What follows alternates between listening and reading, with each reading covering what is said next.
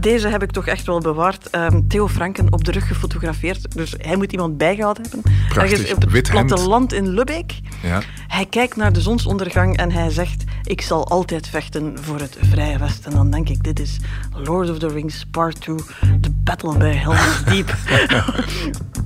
Eén keer per week trek ik van Brussel naar Antwerpen en dan kom ik eraan op de redactie van het Nieuwsblad om rustig na te praten over de actualiteiten met de hoofdredacteur van het Nieuwsblad, Lisbeth van Impen.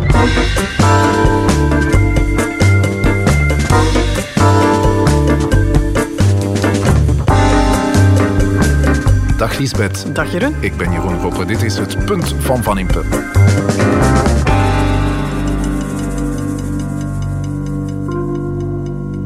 Lisbeth, er wordt hier duidelijk gewerkt. Hè. Ik hoor, Je eh, bent wat bogen, vroeger dan hoor- gewoonlijk, ja. hè? Ja, en onze redactie wordt stevig verbouwd. We zitten op dit moment te kamperen op de tweede verdieping. En ik hoop dat het beperkt zal blijven. Maar als een luisteraar zou denken van... Tja, daar is iemand een zarsk aan het spannen, aan het boren... of met een betteltje aan de slag. Ja, kijk, sorry. eh, de redactie wordt nu eenmaal in een nieuwe vorm getimmerd. Het heeft ook zijn eh, charme. De fles die ik bij heb, eh, Lisbeth, die valt een beetje klein uit. Mijn excuses daarvoor. Maar wat erin zit, is hoort lekker. bij het allerbeste dat ons land heeft te bieden. Het is een mousserende wijn uit Vliermaal. Een bijzonder mooie deelgemeente is dat eh, van Kortesem in het Limburgse Haspengouw. Je weet wel, het Toscane van België. Eh, ja, we drinken het daar... weer. Het, Ja. eh, het mousseert dat het geen naam heeft. Inderdaad, een mousserende wijn op basis van Chardonnay, een schorpillon. Een En met een heel mooi, eh, hoe moet je dat zeggen, eh, motto. Sapere aude, durf te weten. Ik vind, het zou bijna de, de, wijn van deze podcast moeten zijn. Absoluut. Gezondheid, Lisbeth. Gezondheid. Lisbeth, ik ben er echt niet eh, gerust in eigenlijk. Het is nu woensdag. Russen en Oekraïners onderhandelen, eh, maar het is niet duidelijk of we daar wel veel van moeten verwachten. Het ziet er echt niet goed uit. Hè. Is er iets waar we ons eh, aan kunnen optrekken? Protesten in Rusland bijvoorbeeld? Eh, moeilijk, hè? dat is de eeuwige vraag. Kan, kan dit Poetin eh, uiteindelijk zuur opbreken, wetende dat die oorlog op dit moment niet loopt zoals hij zou gewild hebben? Eh, het gaat allemaal trager, het gaat met allemaal veel meer mankementen, met veel meer eh, tanks die aan de kant van de weg staan dan hij waarschijnlijk zelf ingecalculeerd had. En dan krijg je zo de scenario's. Kan iemand Poetin tegenhouden? Eh, de Russen op de straat, de Russen met de pet. eh, zoals Russen die... die zich tegen Poetin eh, keren? Ze zijn er. Ze zijn bijzonder moedig, want de straffen om nog maar gewoon te zeggen dat er een oorlog in Oekraïne bezig is, zijn al gigantisch hoog. Ehm, er is protest, maar ja, we weten dat dat in een land als Rusland Nogal met de, de, de, kop de, ingedrukt wordt, ja. ja, ik bedoel, Poetin ligt al langer onder vuur. Ik, ik, ik, ik heb naar die reportage nog eens zitten kijken die op VRT Nieuws staat in drie afleveringen over Poetin. Waar je eigenlijk moet zien van keer na keer als er iemand vanuit het volk, als er zo'n Rus met de pet eh, recht staat en een, een succesvol oppositieleider blijft te zijn, blijkt te zijn of een succesvol journalist die dingen aan de kaak stelt, dan duurt het nooit lang voor hij in de gevangenis zit of zelfs gewoon afgeknald wordt op straat. ja. Of vergiftigd, dus ik denk niet dat we daar onze hoop moeten op vestigen. Laten we het er eh, zo meteen over hebben. Ik wil het met jou ook hebben over de impact van de oorlog op ons land, want die is enorm. Hè? Die is enorm. Ik bedoel, er worden... Iedere keer als je omkijkt, dan zijn de, zijn de bakens weer verzet. Zijn er weer eh, andere dingen mogelijk. En tegelijk beginnen we te zien dat we waarschijnlijk voor een lang verhaal vertrokken zijn met een zware impact op onze economie, op de energieprijzen, noem maar op. Ja, daar hebben we het eh, ook zo meteen over. Lisbeth, ik krijg vaak te horen van eh, mensen die Lisbeth van Impe, heeft die iets tegen CD&V? Waarom is die altijd zo mild voor Open VLD? Klopt het dat ze iets heeft met Ben Weits? Ik heb dan altijd de neiging te zeggen, vraag het haar zelf. Wel, Heeft die- ze iets met Ben? In welke kringen ga jij om? wel, nee, de die kans, keer dat ik die hoor. die kans moeten we geven eh, aan eh, iedereen die luistert naar het eh, punt Ah, van jij Van maakt Impe. het bruggetje naar ons op live optreden binnenkort. Ja, want op zaterdag eh, 2 april gaat het Punt van Van Impe live op het De Standaard Podcast Festival in Oostende. En dan stel ik jouw vragen aan Lisbeth. Daar zou je eens een punt over moeten maken. Kan ik mij inbeelden dat je wel eens denkt, wel, mail het ons op podcast.nieuwsblad.be al jouw vragen en de punten die jij wil horen van uh, Lisbeth. Ja, en we gaan daar live opnemen, dus je kan ook gewoon komen kijken. De tickets zijn via de website van de Standaard te bekijken. We hebben denk ik een, een 150-tal plaatsen in de zaal. Dus uh, ik ben benieuwd. Om zes uur gaan we live. Ja. En uh, misschien mag je je vraag daar ook gewoon live komen stellen. Dat zou Kom ook wel fijn zijn. Op zaterdag 2 april naar Oostende. Today, I'm announcing the United States is targeting the main artery of Russia's economy. We're banning all imports of Russian oil and gas and energy. That means Russian oil will no longer be acceptable at U.S. ports, and the American people will deal another powerful blow to Putin's war machine. Joe Biden, de president van de Verenigde Staten, vindt dat we de oorlog van Poetin niet moeten subsidiëren en dus geen Russische olie en andere fossiele brandstoffen meer voor de Amerikanen. Alweer een klap voor Poetin bovenop alle sancties die er al zijn.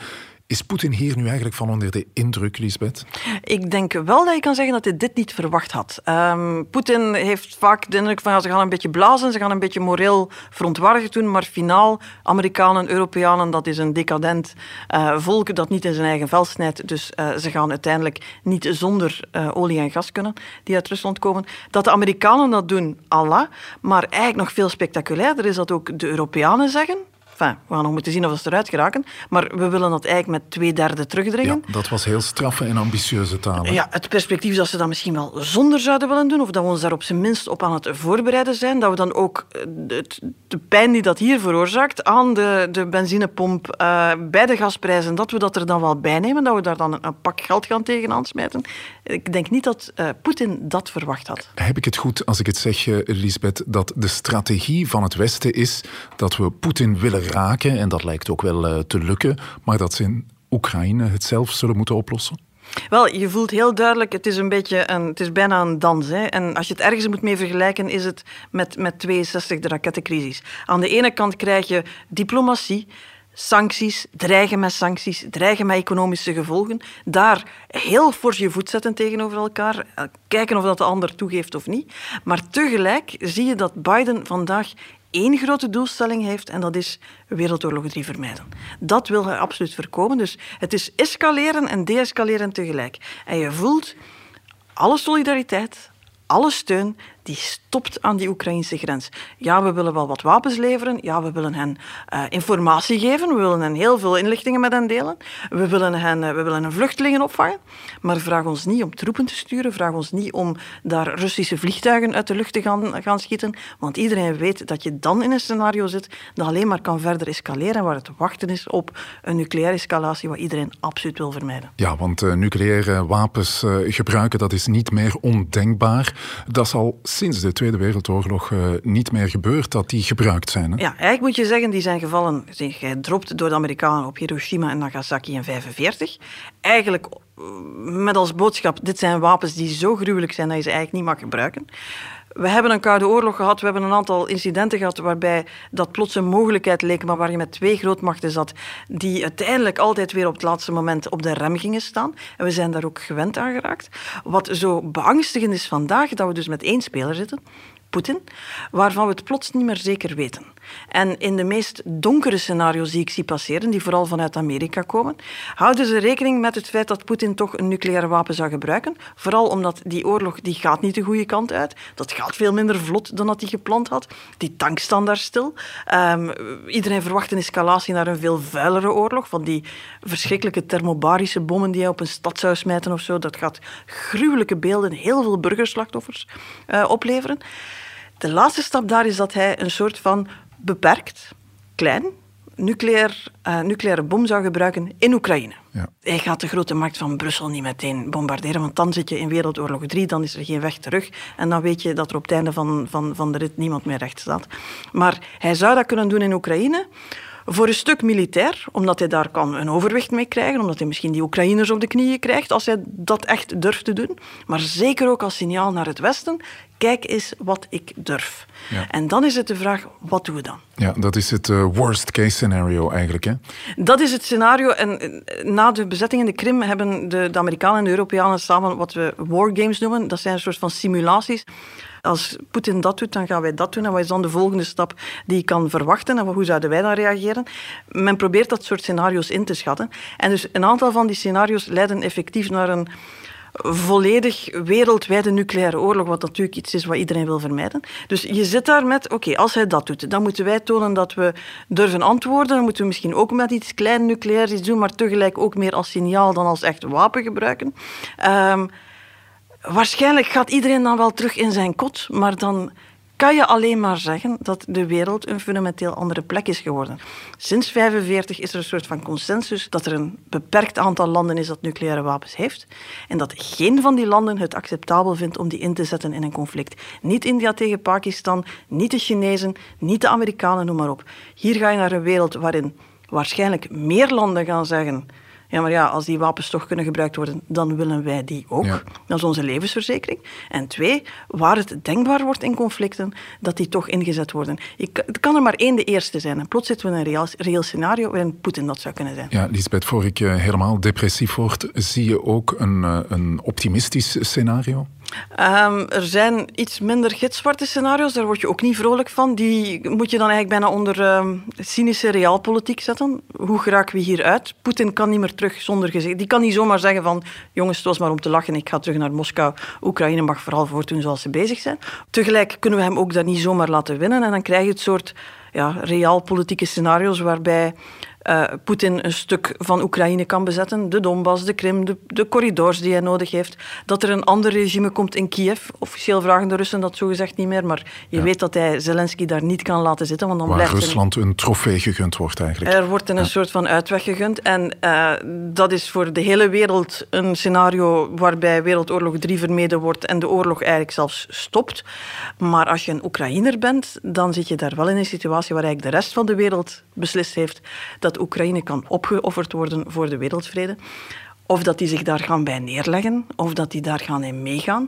Of je dat eigenlijk ook niet wel een beetje kan begrijpen, dat die zeggen van ja, en wij dan? Mogen wij dan niet beslissen waar onze toekomst ligt? Ja, dat is dus het debat waar we niet uit geraken en waar een realpoliticus zegt nee, sorry, je bent een bufferstaat, je zit tussen die grote blokken en je moet daar vooral heel neutraal liggen te wezen. Het eerste punt van Van Impe van vandaag. Uh, het Westen hinkt op twee gedachten. We willen absoluut een escalatie vermijden en tegelijk Poetin raken. We willen Poetin raken, we willen uh, het hem zo moeilijk mogelijk maken. We proberen die oligarchen zo zenuwachtig mogelijk te krijgen. Ja, wat doen die dan? Die pakken een jacht en die gaan naar de Malediven. Dus die zijn vooral met zichzelf bezig. Daar, moet, daar komt geen heil van. Uh, we proberen dat hele uh, apparaat in het Kremlin onder Poetin het signaal te geven van jongens, er is een grens aan wat er kan. Wij, zijn, wij durven onze voet te zetten met die olie, met het gas, met de sancties, noem maar op. En tegelijk is het hele signaal van eigenlijk ongeveer de hele wereld. Laten we alsjeblieft Wereldoorlog 3 vermijden. En proberen Poetin duidelijk te maken dat een escalatie in die richting ja, ook hem zuur zal opbreken. Maar dat is dus een heel, heel delicate evenwichtsoefening die op ieder moment kan fout gaan. Het punt van Van Impe.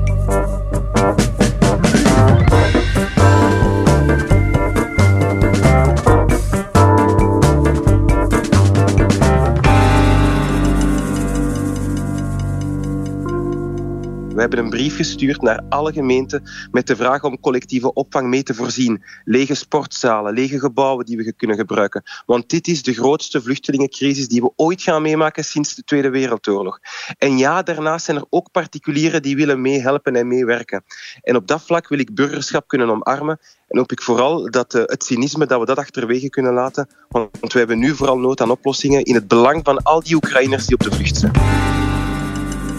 Staatssecretaris Medi lanceert de hashtag plekvrij, want er zijn miljoenen Oekraïners op de vlucht en ook ons land zal heel wat mensen opvangen. Bart de Wever, de voorzitter van NVA, die zegt uh, ja, hashtag plekvrij is de wereld op zijn kop, want de overheid moet dit doen, niet de mensen thuis. Lisbeth?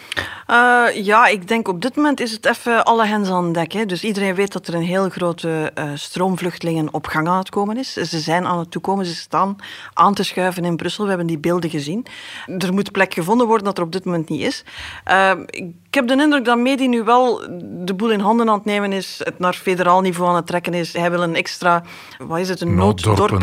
Ja, nooddorpen gaan, gaan, gaan openen. Maar ja, het zal dus weer zoeken worden naar, naar plaatsen. Iedere minister van uh, asiel en migratie of staatssecretaris staat voor die opdracht om die plekken te gaan vinden in zo'n acute, acute situatie. Ik moet zeggen, ik had een beetje een dubbel gevoel bij hashtag plekvrij. Toen ik het hoorde, dacht ik van, ik hoop dat de staatssecretaris meer heeft dan alleen een hashtag. Hij was nogal snel op televisie om het aan te kondigen en ik dacht van, ja, je hebt meteen een pak vragen. Voor hoe lang? Wat als dat fout loopt? Wat als daar problemen opduiken? Uh, wat is het perspectief voor mensen? Aan de andere kant zie je dat er een zekere bereidwilligheid is om mensen op te vangen.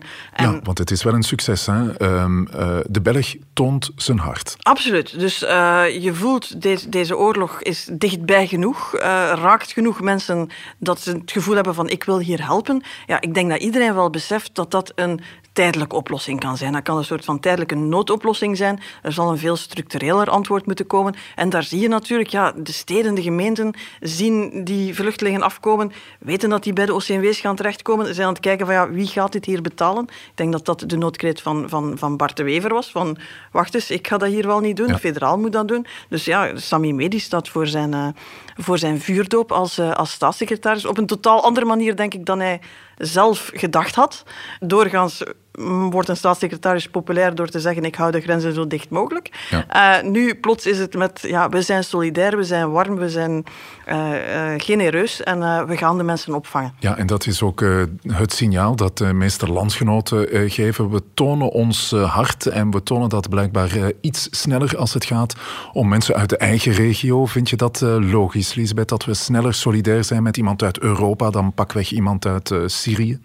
We pleiten vaak voor opvang in eigen regio. Dus in die zin zit daar ook wel een stuk logica in. Hè. Je weet dat je een stuk eh, cultuur wel deelt, alhoewel ik denk dat Oekraïners het zijn geen, zijn geen Vlamingen van Poelkapel. Hè. bedoel, dat zou nog wel hard schrikken kunnen worden. Dat is toch een andere, een andere cultuur. Maar je voelt, ja, het is dichtbij, het komt dichtbij. We hebben dat trouwens ook gezien uh, ten opzichte van weeskinderen in Roemenië. We hebben dat gezien ten tijde van de, de, de oorlog in Joegoslavië.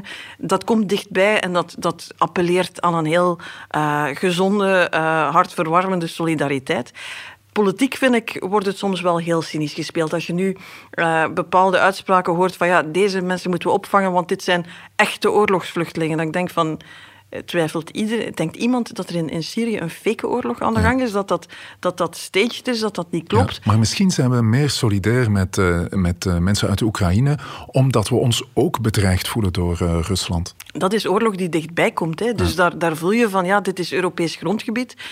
als, je, als je de E40 afrijdt, letterlijk, ze hebben het ooit gedaan voor man met hond, dan zit je in Oekraïne.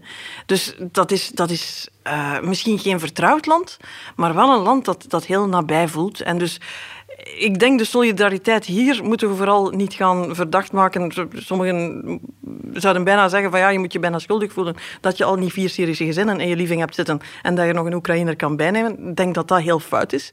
Uh, maar politiek vind ik moeten we wel heel hard opletten met uh, een onderscheid te gaan maken tussen echte vluchtelingen uit Oekraïne, omdat die toevallig wat meer op ons lijken. En de rest die dan geen echte vluchtelingen zijn en waar we dan helemaal niks voor willen doen. Of waar we denken van ja, het hek kan niet hoog genoeg zijn, want die doen toch maar een beetje alsof. De wereld is een enge plaats waar het op veel plekken niet goed gaat. Ja, blijkbaar zijn er ook landgenoten die graag, eh, ik citeer, een mooie, verzorgde, intelligente Oekraïense vrouw in huis willen. Hoe kan je dat soort gore idioten, zoals uh, staatssecretaris Medi ze noemde, hoe kan je dat soort mensen screenen?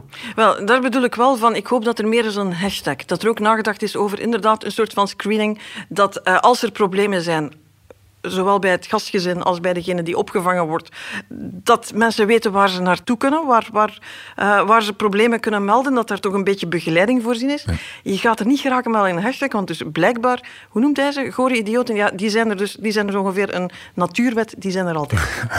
Theo Franke, uh, Lisbeth, in een vorig leven nog uh, staatssecretaris voor asiel en migratie, die leek het suggereren dat Oekraïense mannen beter zouden vechten in plaats van te vluchten. Wat vond je van die uh, bedenking? Ja, hij ging verder. Hè. Moeten we die niet melden aan Oekraïne dat dat eigenlijk deserteurs zijn of zoiets? Dat ja. was ongeveer de suggestie. Hè. Uh, soms denk ik dat uh, Theo Franken te wanhopig deze dagen op tv wil komen. Het is zijn kans om zich terug in de tv-studio's te wringen. Hij is nu op weg naar de Poolse grens, dacht ik. ik heb weer een mooie zonsondergang gezien op zijn Instagram-feed. Dat is tegenwoordig zijn, zijn ding. Um, hij moet zich met alles, hij springt op alles. Hij is een beetje hyperactief. Ik zeg het, ik zie een beetje de wanhopige politicus die op tv wil komen. Um, Dit vond ik nu niet zijn meest gelukkige uitspraak. Ik, uh, er zijn heel veel Oekraïners die aan het vechten zijn. Er zullen anderen zijn die hun gezin naar hier brengen. Ik zou heel voorzichtig zijn met de oordelen over mensen die in deze omstandigheden, deze moeilijke omstandigheden, een beslissing nemen voor zichzelf en voor hun gezin. Ja, miljoenen Oekraïners op de vlucht. Uh, Lisbeth, wat is uh, jouw tweede punt? Ze komen, ze zullen met veel zijn. En het uh, is aan Sami Medi om duidelijk te maken dat, uh, hoe noemen we dat ook alweer? Wir schaffen dat zeker. Hè? Het punt van Van Impe.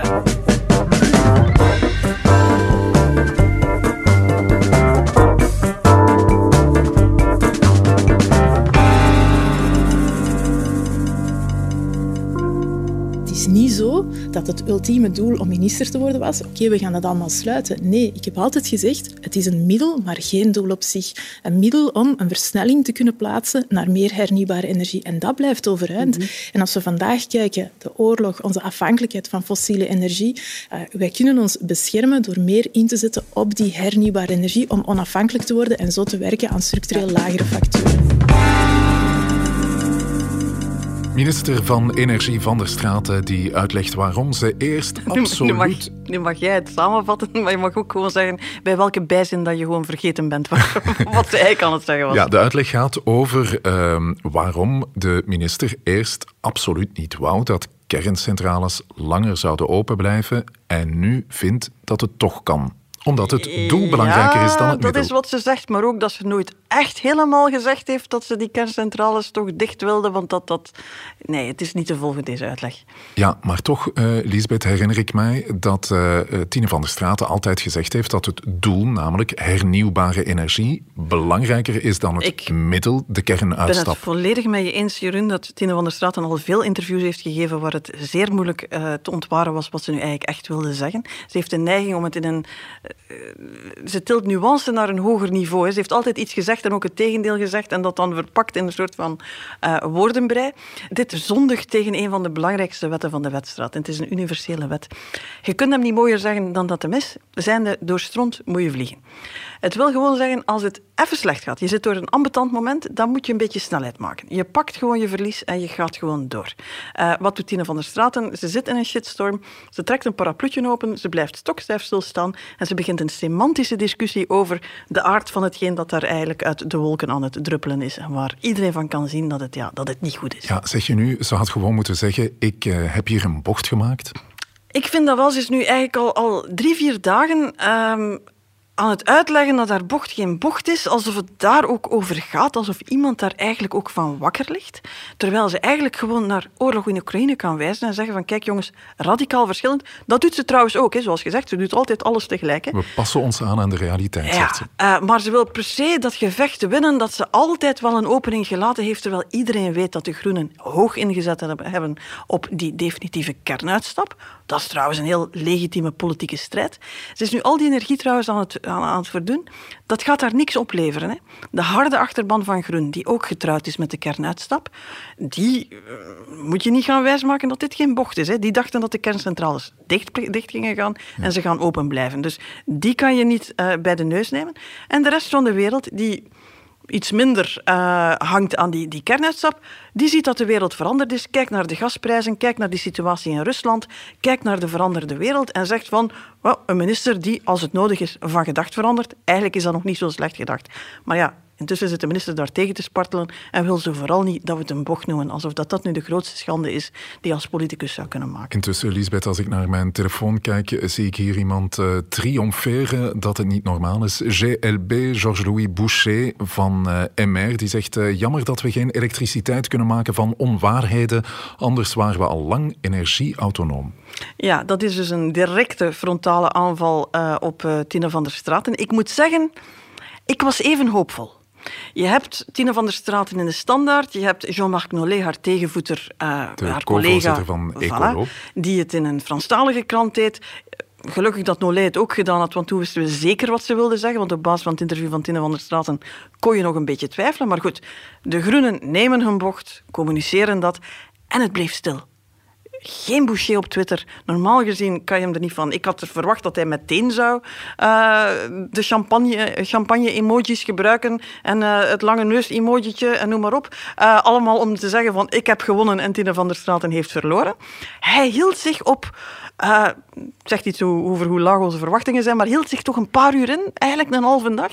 Ik dacht van, kijk, die regering hebben een manier gevonden om de Groenen hier een eervolle aftocht te geven. En, en goed, ja. En de liberalen lieten meteen weten, de, de VLD'ers, dat ook zij een bocht aan het maken waren rond die btw-tarieven. Ik dacht van, allez, kijk, het begin van samenhang, ja, het heeft niet lang geduurd. En ik denk dat het interview van Tine van der Straten de druppel was die ook bij Boucher de emmer deed overlopen. Want hij dacht van, ja, als jij dat allemaal gaat vertellen, dan mag ik ook weer. Ik heb jouw punt door, Lisbeth. Het was een strategische blunder van uh, Groen. Zeg toch gewoon dat je een bocht maakt. Dat is geen schande. Dat is geen schande. Ik snap het. Hè. Het, het klinkt alsof dat je een knieval maakt, je principes verloogt, noem maar op. Als je een goede uitleg hebt waarom je van gedacht veranderd bent, dan mag je dat ook gewoon zeggen. Andere partijen zijn daar ook voor een stuk mee bezig. Verspil geen energie met het licht van de zon te ontkennen. Laat dat eens een, een, een regel in de wedstrijd zijn. Want je beduvelt er niemand mee, maar je verspilt heel veel adem en energie om te ontkennen wat iedereen met zijn blote ogen kan zien. Het punt van Van Impe. Ja,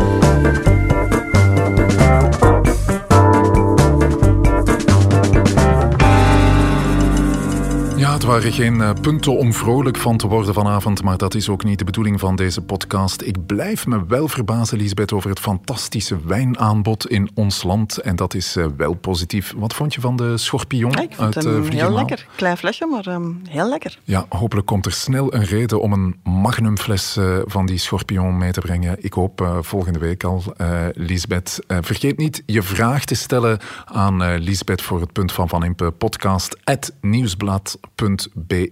Ik keer terug naar Brussel, want de zon gaat uh, bijna onder. Ja, niet je zo bent mooi uh, een als... stuk vroeger dan anders. Ja, niet zo mooi als op die foto van Theo Franke. Ja, ik, ik weet niet eigenlijk of iedereen die gezien heeft. Misschien moeten we dat nog eens...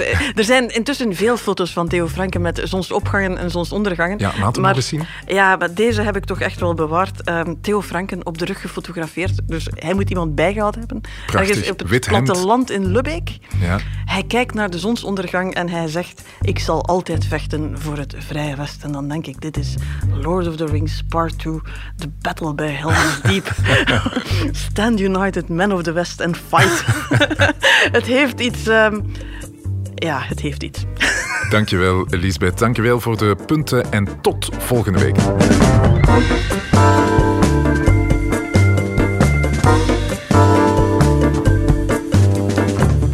Was het Punt van Van Impe, een podcast van het Nieuwsblad. Je hoorde de stemmen van hoofdredacteur Liesbeth Van Impe en van mezelf, Jeroen Roppe. Dank aan de VRT voor de audioquotes, aan Pieter Schrevers voor de muziek en aan Pieter Santens van House of Media voor de montage. De productie was in handen van Eva Michom en Bert Heijvaart. Tot het volgende Punt van Van Impe.